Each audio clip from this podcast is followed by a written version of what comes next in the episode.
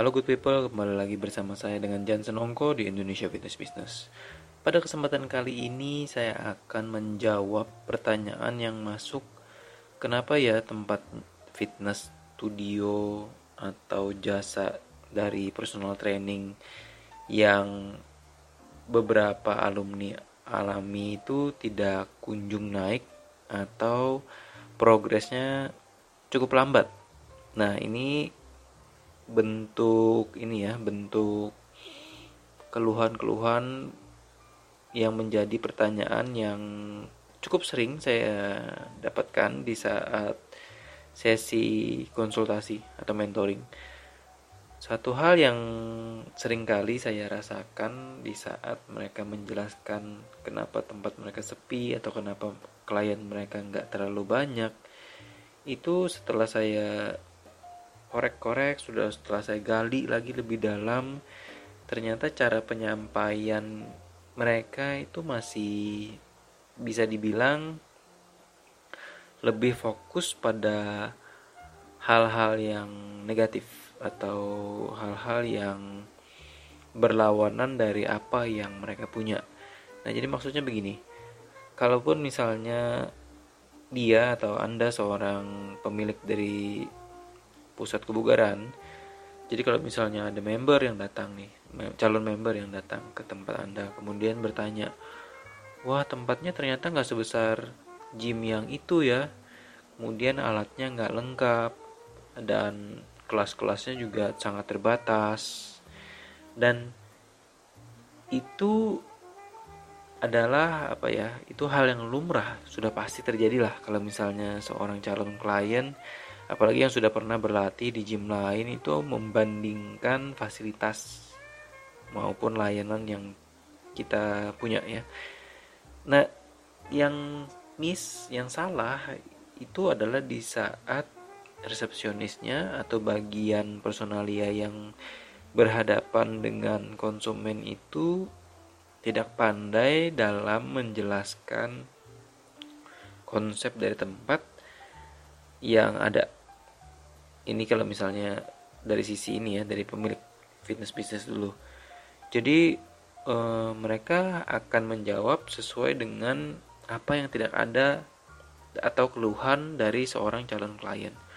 Oh iya memang alatnya terbatas di sini. Kemudian oh iya kelasnya nggak selengkap di tempat itu. Oh ya kita nggak punya ini nggak punya itu.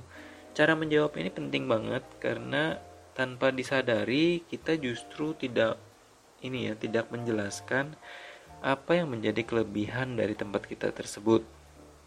Misalnya kalau memang misal tempatnya terbatas atau alatnya memang lebih kualitasnya lebih rendah dibandingkan gym yang dimaksud, itu tidak jadi masalah gitu loh. Selama kita bisa menunjukkan atau mengalihkan pembicaraan dari yang minus dari kacamata klien ya calon klien menjadi plus dari kacamata kita. Misal kalau misalnya oh ini nggak ada ini nggak ada itu kita bukan menjawab dengan nggak ada ini nggak ada gitu atau mengiyakan apa yang mereka katakan. Tetapi dengan mengatakan kalaupun eh, misalnya eh, ini sebagai contoh aja kalaupun misalnya mereka sudah mengatakan begitu tinggal bilang oh ya memang kita tidak selengkap tempat itu karena fasilitas di tempat kita lebih fokus pada A, B, C. Jadi paham maksudnya ya? Bukannya kita mengiyakan kekurangan tetapi menjadikan kekurangan tersebut sebagai awal dari pembuka pembicaraan ke arah yang lebih positif yaitu pelayanan-pelayanan atau fasilitas-fasilitas yang ada di tempat kita karena kalau misalnya kita tidak bisa memutar balikan pembicaraan ke positif itu interest klien juga akan semakin menurun.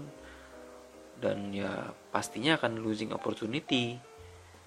Membuat tempat kita itu jadinya memang nggak seru dan nggak buat mereka.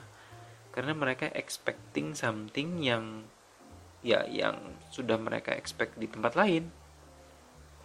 Justru kita sebagai uh, pebisnis uh, pemilik fitness bisnis atau sebagai seorang personal trainer itu harus mampu menjelaskan apa yang kita punya atau kelebihan-kelebihan yang kita miliki.